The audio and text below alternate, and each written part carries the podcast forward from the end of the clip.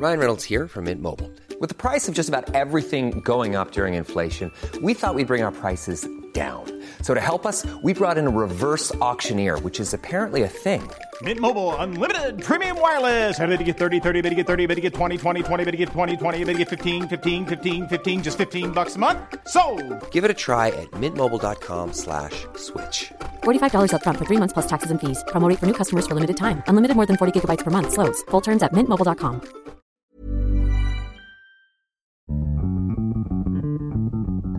مجموعة من المشاعر المخربطة من خوف وقلق وأحيانا هلع أو وسواس أو خربطة في النوم وفي الطعام. هي ممكن تكون أعراض حس فيها كتير من الناس هالفترة مع بداية حظر التجوال اللي تجاوز مدة الشهر بسبب جائحة كورونا واللي عم بتأثر على كل العالم وبنسمع طوال الوقت أخبارها. نور بيحكي لنا بعض المشاعر النفسية اللي بمر فيها خلال هالفترة. أنا هاي لاحظتها بشكل يعني كثير كبير إنه مجرد ما طلع في خطر هيك يهدد حياتنا وخطر إحنا فعليا مش قادرين إنه نعمل عليه أي شيء وشايفين الدول اللي إحنا نفترضها أكبر منا وأقوى منا. مش قادرين يسيطروا على الموضوع. فأنا شفت الخوف بكثير بعيون كثير ناس من اللي حوالي صراحة. يعني الخوف على الكبار الخوف على الأهل إحنا بشكل عام عاطفيين كثير هذا الإشي كثير لمسته. وشفته وأدى إلى فعليا إنه يتغير السلوكيات. منها منها سلوكيات إيجابية إنه بعدنا عنهم رغم إنه إحنا بنحبهم وإلى آخره. هاي التفاصيل. نور شاب عمره 24 سنة سكان عمان بيشتغل مهندس ميكانيك. بيحكي لنا أنه كتير من سلوكياتنا تغيرت مع بداية الأزمة والحظر. وهذا بيعود لتغير نمط الحياة اللي كان مربوط في السابق في عمل مستمر وأوقات معينة بنقضيها في بعض الأنشطة واللي توقفت جميعها الآن. الأشياء اللي حكيت إياها إذا حدا بيتعرض لي حدا بيسيء لي حدا كذا فعليا أنا مش فاضي إني أرد بس الفراغ اللي ولدته اللي هي فعليا ال quarantine في البيوت والقعدة والضغط النفسي بتخليك تلاحق أي شيء فعليا أنا هيك لاحظت. مش بس أنا الناس كلها. إذا أنت بتابع ال timeline الأردني على تويتر شفت كيف آه، الكل بتشفى في الكل ففعليا نعم. يعني حتى على طابور مخبز إذا حدا نكش حدا بتطاوشه مع إنه بنفس المبدأ. ليش؟ لأنه الكل مضغوط. رح نحاول بهالحلقة الخامسة من الموسم الثالث من برنامج البرلمان نستعرض الانعكاسات النفسية في ظل جائحة كورونا. وإحنا بنسمع قصص مواطنين مروا بتغيرات طرأت على سلوكياتهم وحياتهم وأبعاد جائحة كورونا وحظر التجوال النفسية على المواطنين. بالإضافة لاستطلاع رأي أحد أعضاء مجلس النواب حول التبعات النفسية. موضوع الأحلام المزعجة منذ بداية الأزمة بيعاني منه كثير من الناس واللي ممكن يكون مرتبط في حالة الضغط النفسي من الأخبار اللي بنسمعها بشكل يومي حول الفيروس. نور بشرح لنا اللي بمر فيه هلا يعني كجزئين الجزء الأول موضوع الأحلام. نعم أنا أنا شخصيا صراحة صرت أحلم أحلام شوي غريبة. يمكن مش بشعة بس غريبة كثير ولما قرأت شوي لقيت إنه فعليا في ترند في هاي الأيام إنه الناس عم تحلم. كل الكل كاتب يعني أنا عم بحلم أحلام غريبة وأنا ابصر شو. فيبدو إنه في رابط بين كثره التفكير والضغط النفسي وبين إنه بالليل المخ يشتغل ويخليك تحلم. آه، أما الجزء الثاني من السؤال برضه مش عارف كيف بدي أصيغها صراحة بس بتوقع برضه آه. رانيا امرأة متزوجة وأم عاملة وعندها أربع أولاد. تشرح كيف حظر التجوال سبب لها ضغط نفسي وأصبحت عصبية بالإضافة لزوجها. كثير من الأمور زادت من توترها مثلا عدم قدرتها لرؤية أهلها بالإضافة لروتين مستمر. تحكي لنا رانيا عن سلوكيات تغيرت في حياتها وفي تعاطيها مع القضايا وأحيانا الناس مع بداية حظر التجوال وجائحة كورونا. آه، ما بعرف بنام يعني أنا كنت أكثر حدا بنام باجي من دوامي. بتغدى بقعد مع الأولاد شوية على الساعة تسعة عشرة بالكثير بكون نايمة لثاني يوم الصبح بطلع على دوامي. هلأ يعني لا بنام بالنهار ولا بالليل. يعني إذا ظليتني صاحية للثلاث آه بنام آه أربع خمسة يمكن ساعة أو ساعتين وبصحى زي إشي منبه براسي. فمش قادرة وحتى وجهي تورم مش قادرة لا أعرف أنام آه مش ماخذة راحتي. مش مرتاحة في إشي مش مرتاحة. بقول إنها هاي أزمة وبتعدي. طب وبعدين؟ كل ما بيجددوا الأيام الحجر أنا من جواتي بفقع. وبزعل واللي حاول بيحكوا معايا يعني كل حدا بيصبر الثاني بس إنه عن جد ما في إشي بيصبرك. أما حسن فهو شاب عمره 30 سنة بيشتغل بمنظمة عايش في عمان ومستقل بيوضح لنا كيف تغير نمط حياته خلال الحظر نومي تغير أكيد هضمي للطعام تغير. يعني صرت عم بحس عندي مشاكل في المعدة آه، صرت عم بحس بالأرق آه، بالليل لما أنام امبارح تقريبا الساعة 4 الصبح كنت عم بطلع على الساعة ومش عم بنام. فالتغيير في هذا النظام كلياته زائد الخوف اللي عم بتشوفيه من نشرات الأخبار وأنا بعرف قد ما حكينا عن إنه ما في خوف لكن في خوف. آه، في خوف من إنك تشوفي حدا بالشارع في خوف إنك عم بتشوفي حدا عم بمشي بالشارع وأنت مش منتبهة إنه بيناتكم في مترين. فهذا الخوف اللي بيراودك على طول عم بعمل يعني عم بزيد القلق بشكل عام. بشرح حسن بعض التفاصيل اليومية والمرتبطة حتى بلبسنا للذهاب للعمل وغيرها من التفاصيل واللي توقفت فجأة. عم بصحى وعم بنام وأنا لابس نفس الأواعي نفس البيجامة عم بغير بيجامات بالأحرى. كل هذه الأشياء بتأثر نفسيا يعني صرنا بالضبط إحنا عايشين زي الناس اللي عم بيعا... عم بيعانوا من الاكتئاب. يعني اللي لما يجي يحكوا لك مثلا بالعادة إنه هذا الشخص مثلا بيعاني من اكتئاب هيك عايش بهاي الطريقة أو هي التصرفات هاي اللي ممكن نتصرفها اللي هي نضلنا بالبجامة اللي هو ما نعرفش متى بنصحى ومتى بننام اللي هي يعني كل هاي الشغلات عمالها بتزيد كل يوم عن يوم بصراحة. تغير السلوكيات أو زيادة حدة التوتر أمور بيعاني منها كثير في ظل حظر التجوال. أحيانا بتتطور لأبعاد نفسية. بشرح لنا رئيس جمعية الأطباء النفسيين الدكتور نايل العدوان إنه أغلب الأعراض النفسية اللي ممكن تنتشر حاليا واللي متعلقة بموضوع القلق والاكتئاب طبعا الإنسان بشكل طبيعي لما يتعرض لأي ضغط نفسي خارجي أو تهديد خارجي نعم. آه سواء سواء بشري أو من الطبيعة تبدأ الدفاعات النفسية بالفعل والعمل وتنشط نفسها للدفاع ضد هذا الشيء الخارجي اللي هو يهدد هذه النفسية. ويظهر ذلك جليا من خلال بعض الأعراض الجسدية وبعض الأعراض النفسية بحيث ان الإنسان يصبح لديه صعوبة في التأقلم مع هذا الظرف الجديد يصبح لديه قلق وتوتر يصبح لديه خوف آه، من من الشيء اللي يحصل في الوقت الحالي ومن النتائج اللي سوف تكون في يوم غد.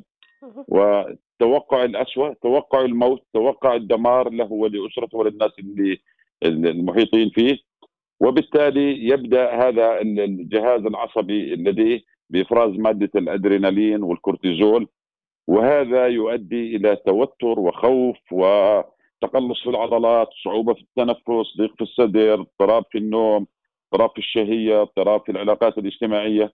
طبعا كل هذا الأصل إنه يكون هو آه، عملية دفاعية نفسية أولية ويصبح تاقلم عند الشخص مع الضغط النفسي الخارجي.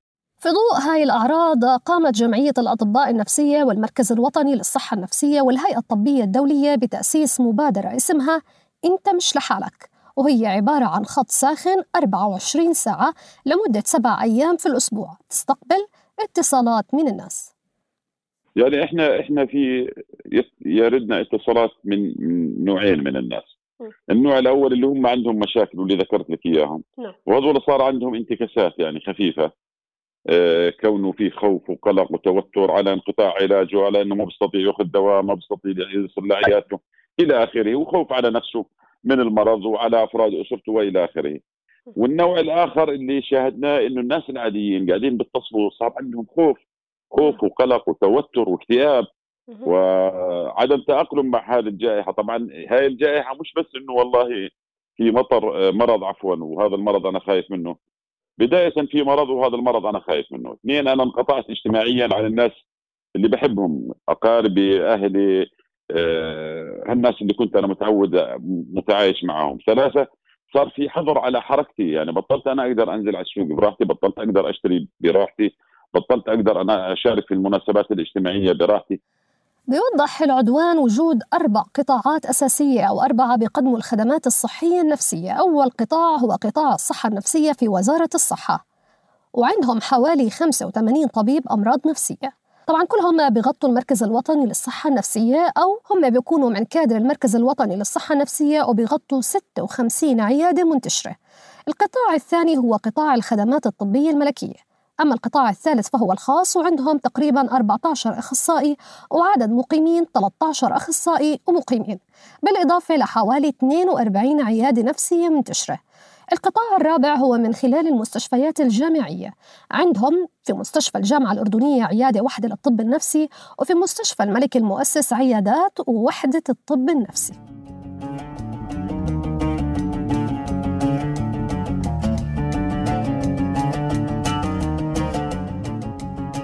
مع بداية جائحة كورونا تلقى أخصائي الطب النفسي الدكتور أشرف الصالحي ما يقارب من 700 ل 750 رسالة لطلب استشارة نفسية وهو اللي بيخلينا نسأله عن أهم الأعراض اللي ممكن تظهر على البعض خلال هالفترة وبشرح لنا إياها. الخوف القلق الترقب يعني الخوف بأشكاله المختلفة الخوف من المجهول الخوف على الصحة بصير عندهم وسوسة مرضية بالأمراض بصير يتهيأ له إنه عنده مرض مثلا واحد عنده زي تحسس خطبات بصير ما يعرف يميز إنه هذا ضيقه النفس اللي عندي من كورونا ولا من مرضي. فالوسوسة المخاوف اللي خلينا نحكي الافكار الغير عقلانية بصيروا يفكروا بأشياء بعيدة زي امبارح قلت لك عنها بتقول لك صارت تعتبرها نهاية العالم وكأننا نحن الآن ننتظر هتلر الجديد. هاي تنتج بسبب الأزمة نفسها وبسبب التعامل مع الأزمة. لكن السؤال اللي بيطرح هل كان في دور للإجراءات الحكومية أو ذكر أسماء بعض مصابين فيروس كورونا دور في تفريغ غضبنا عليهم؟ وهل هي ضمن الأمور المستحب عملها؟ وهون خلينا نتذكر بعض تصريحات وزير الصحة في الإيجاز الصحفي. تبين إصابة زوجة المدعو صبحي وتم التواصل مع العائلة وإخبارهم بضرورة نقل المصابة إلى مستشفى الأمير حمزة والتأكيد على أهمية حجر أنفسهم بشكل تام داخل المنزل وعدم الاحتكاك فيما بينهم. كما تم التواصل مع مديرية الأزمات ليتم نقل المصابة إلى مستشفى الأمير حمزة وحاول الأهل الاتصال والتملص من نقل المريضة بحجة أنها عمياء. السائحة الكندية وهي أجنبية يعني لا إلها أهل 29 شخص خالطوها. الحمد لله جميع المخالطين كانوا نيجاتيف بيوضح لنا الأخصائي النفسي باسل الحمد بأنه الأصل مناقشة قضية عامة وعدم الدخول لحالات مخصصة كما حدث مع المواطن الأخير وتداول قصته وقصة زوجته المصابة كانت الرواية متضاربة اللي زاد من تضارب الرواية إنه تم ذكر اسم الشخص نفسه، تم ذكر اسم زوجته إنه زوجته هي المصابة. باعتقادي هذا كانت يعني أنا برأيي إنها يعني مثلبة إعلامية كبيرة. لأنه لا يفضل يعني إنك تطلع تناقشي حاله بحاله إذا بتنتبهي مثلا آه، بال بالغرب مثلا إذا بتشوفي الإعلام بال CNN BBC المسؤولين الاجانب ما بيطلعوا بيناقشوا حالات. أصلا في تكتم شديد على الأسماء. ما حدا بيذكر أسماء ما حدا بيجيب حاله بحد ذاتها. آه، ما بيتم حتى ذكر مخالطين ومش مخالطين. هذا بالأخير وباء. ما فيه مسؤولية فردية. ما فيه مسؤولية فردية بالمعنى انه صح كل إنسان بده يكون يتواقى بده كذا ولكن قد يصيب أي شخص، قد يصيب اللي أكثر التزاما وقد لا يصيب الشخص غير الملتزم. وبيرجع الحمد أسباب التركيز أحيانا على الحالات الفردية للتالي. واضح إنه كانت الحكومة آه، كثير حساسة لوجهة نظر الشارع، فبالتالي زي اللي كانها بتدافع عن حالها. أنت ما بنفع يكون عندك استراتيجية إعلامية متماسكة مبنية على الدفاع عن النفس.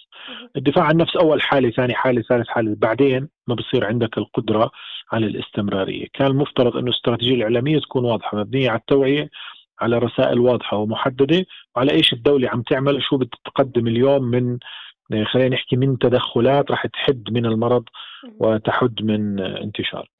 انعكاس الأبعاد النفسية على التعاطي مع القضايا والتعبير عنها حتى عبر شبكات التواصل الاجتماعي بشوفها الأخصائي الحمد بأنه الكثير منها غير عقلاني في هالفترة. هلا أنا بشوف إنه لا العقلانية إحنا بهاي الفترة أبعد ما نكون عنها لأسباب عديدة، أول سبب إنه إحنا عم نمر بظرف استثنائي لا هو حرب ولا هو زلزال ولا هو شيء مرينا فيه، هاي مسألة أولى، المسألة الثانية كل البشرية عم بتمر بنفس الظرف يعني مش إنه والله فقط دولة واحدة ولا دولتين. المسألة الثالثة إنه اليوم وسائل التواصل الاجتماعي وتوفرها توفر المعلومات الزائدة للناس عم بيوقع الناس آه، بكثير من التخبطات. آه، فلذلك أنا بشوف إنه ردة فعل الناس حتى أحيانا ردات فعل الحكومة كانت محكومة بالوسواس القهري. يعني إحنا دائما بننصح الناس لا تضلوا تمسحوا أزرار المصعد لا تخافوا تلمسوا آه، مفتاح الباب لا تخافوا كذا. اليوم عم نحكي لهم تعملوش كل هاي الأشياء. فهذا برأيي كان هذا التناقض في فهم الناس لصحتهم العامة بشكل كثير كبير. تناقل أسماء المصابين عبر شبكات التواصل الاجتماعي وحتى عبر بعض الوسائل الإعلامية كان محط ندر وأحيانا أخذ أبعاد هجومية ونشر لحياتهم الخاصة والحديث عنها علانية. عضو لجنة التوجيه الوطني والإعلام والثقافة النائب وفاء بني مصطفى بتشوف أنه تبعات التعاطي وتداول النكات لم يكن بسبب الإيجاز الصحفي اليومي للحكومة. بصورة ممكن تؤدي إلى إيذاء مشاعر أهالي منطقة زي ما حدث مثلا في مرحلة معينة مع أهالي منطقة إربد بعد موضوع عزل إربد والأمر الثاني مع أشخاص محددين زي الأسماء اللي طلعت واللي أصبحت مسار لعمل ودبلجة الفيديوهات وغيره. لكن أنا ما بعتقد بأنه يعني مع مع كل التقدير لقانونية وقدسية سرية وحق المريض في سرية المرض لكن في أوضاع الاوبئه قد يكون الأمر مختلف والبروتوكولات في التعامل معها طبيا وقانونيا قد تكون يعني مختلفة وتسمح ل يعني فرق التقصي الوبائي بالإعلان حتى يقوموا بحصر الحالات. أبعاد شبكات التواصل الاجتماعي واللي بيصير عليها وقراءة فيها بشرح لنا إياه الدكتور الصالحي بمجموعتين المجموعة الأولى هي الأزمة هاي خلقت عند الناس مجموعة من التداعيات النفسية. ناس عندهم من أول مشاكل نفسية عندهم قلق عندهم نوبات هلع عندهم وساوس يعني هدول خايفين قبل ما تكون في كورونا وهدول دائما عندهم توقعات سلبية وتضخيمات للمشاكل ودائما بيستنى الشيء السيء يصير وكأنه هو محفز وجاهز للهجوم أو للهروب من أي موقف. هدول لما أجت الكورونا زادت عندهم حدة الأمور هاي. وهذول أنا بصراحة ما بلومهم لأنهم بيجوا بحاجة لدعمنا واستيعابنا وإذا منهم مرضى بحاجة لعلاج. أما المجموعة الثانية طب يوضح لنا الدكتور الصالحي بأنها صارت شبيهة بالأولى.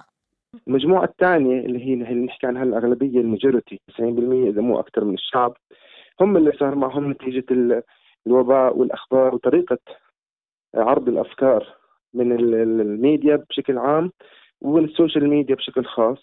هاي خلتهم يصيروا برضه panics يشبهوا المجموعة الأولى. صار عندهم وساوس اللي ما معه وسواس صار يتوسوس بالغسيل اللي ما معه أفكار خاطئة صار يفكر بالموت ونهاية العالم. يعني معلش ما فيها كبير وصغير هبة ولا فيها معه PhD ولا جاهل. ما بقدر أفرجيكي كمية الرسائل اللي بتوصل من مختلف فئات المجتمع. النائب وفاء بني مصطفى بتوضح الكثير من الهواجس غير الخوف من الإصابة بالمرض أو من الموت أو حتى الخوف على الأحبة. بل أيضا البعد الاقتصادي للموضوع. بصورة أكبر أصبحنا أكثر خبرة في التعاطي الصحي الجسدي يعني المباشر مع هذا الموضوع. أعتقد بأنه لابد الآن من أنه يكون في اهتمام كبير جدا وتركيز على الجانب النفسي. وخاصة آه، أستاذة هبة أنه إحنا بنعلم بأنه الناس أخذت رواتبها وحتى الشركات الخاصة والقطاع الخاص ألزم براتب شهر ثلاث لكن الذائقة المالية والخوف من المستقبل الخوف من فقدان الوظائف آه، كل هاي الأمور رح تأثر كثيرا على على ما هو خلف الأبواب المغلقة على حياة الأسرة في الداخل.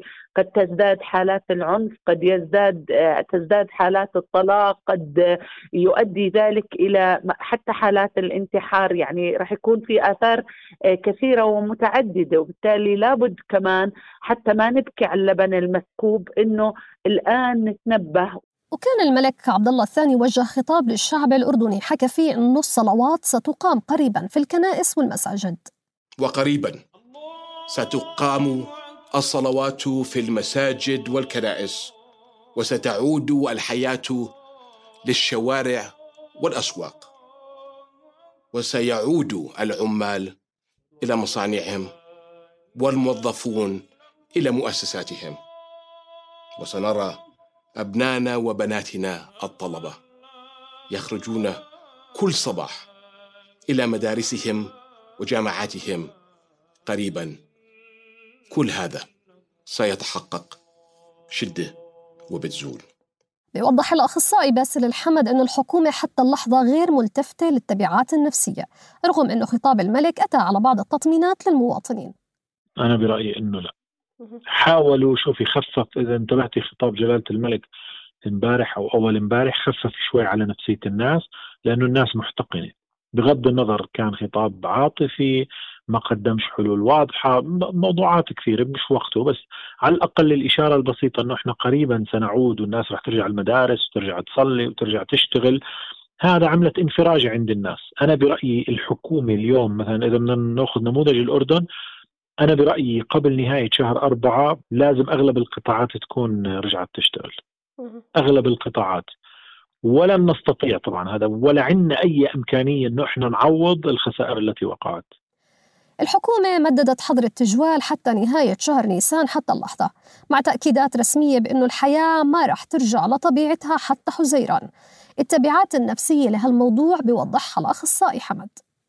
شوفي أنا اعتقادي إذا بدهم يعملوا حجر أو تعطيل لغاية شهر ستة راح نشوف آثار نفسية وآثار اجتماعية واقتصادية لم يسمع فيها البشر منذ عشرات السنين. أنا اعتقادي إنه تعطيل البشر حتى شهر ستة هذا اعتقاد شخصي بحب بنشروش كثير يعني أو بناقشش تفاصيله. أنا اعتقادي إذا بنقعد كمان شهرين أنت عم تحكي عن كمان شهر ونص. أنا اعتقادي إنه أنت رح تشهدي دول ونزاعات وسقوط مجتمعات كاملة بأكملها.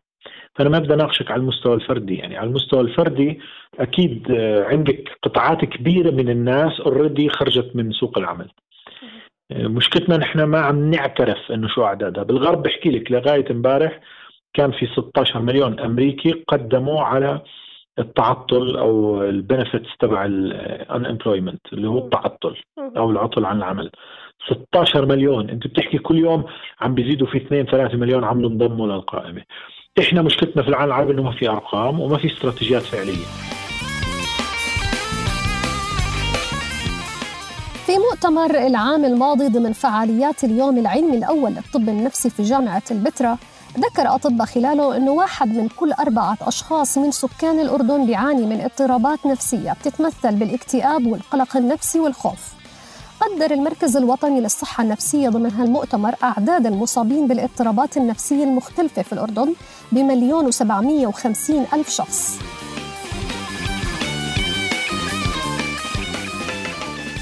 في نهاية هالحلقة من بودكاست البرلمان من إنتاج صوت. النقاش حول فيروس كورونا وتبعاته الصحية والاقتصادية والاجتماعية ما زال مستمر أمام كثير من القضايا والتحديات اللي راح نحاول أيضا نناقشها في حلقاتنا القادمة. هاي تحيات فريق بودكاست البرلمان من صوت تيسير قباني من الإخراج الصوتي. كنت معكم في الإعداد والتقديم هبة عبيدات.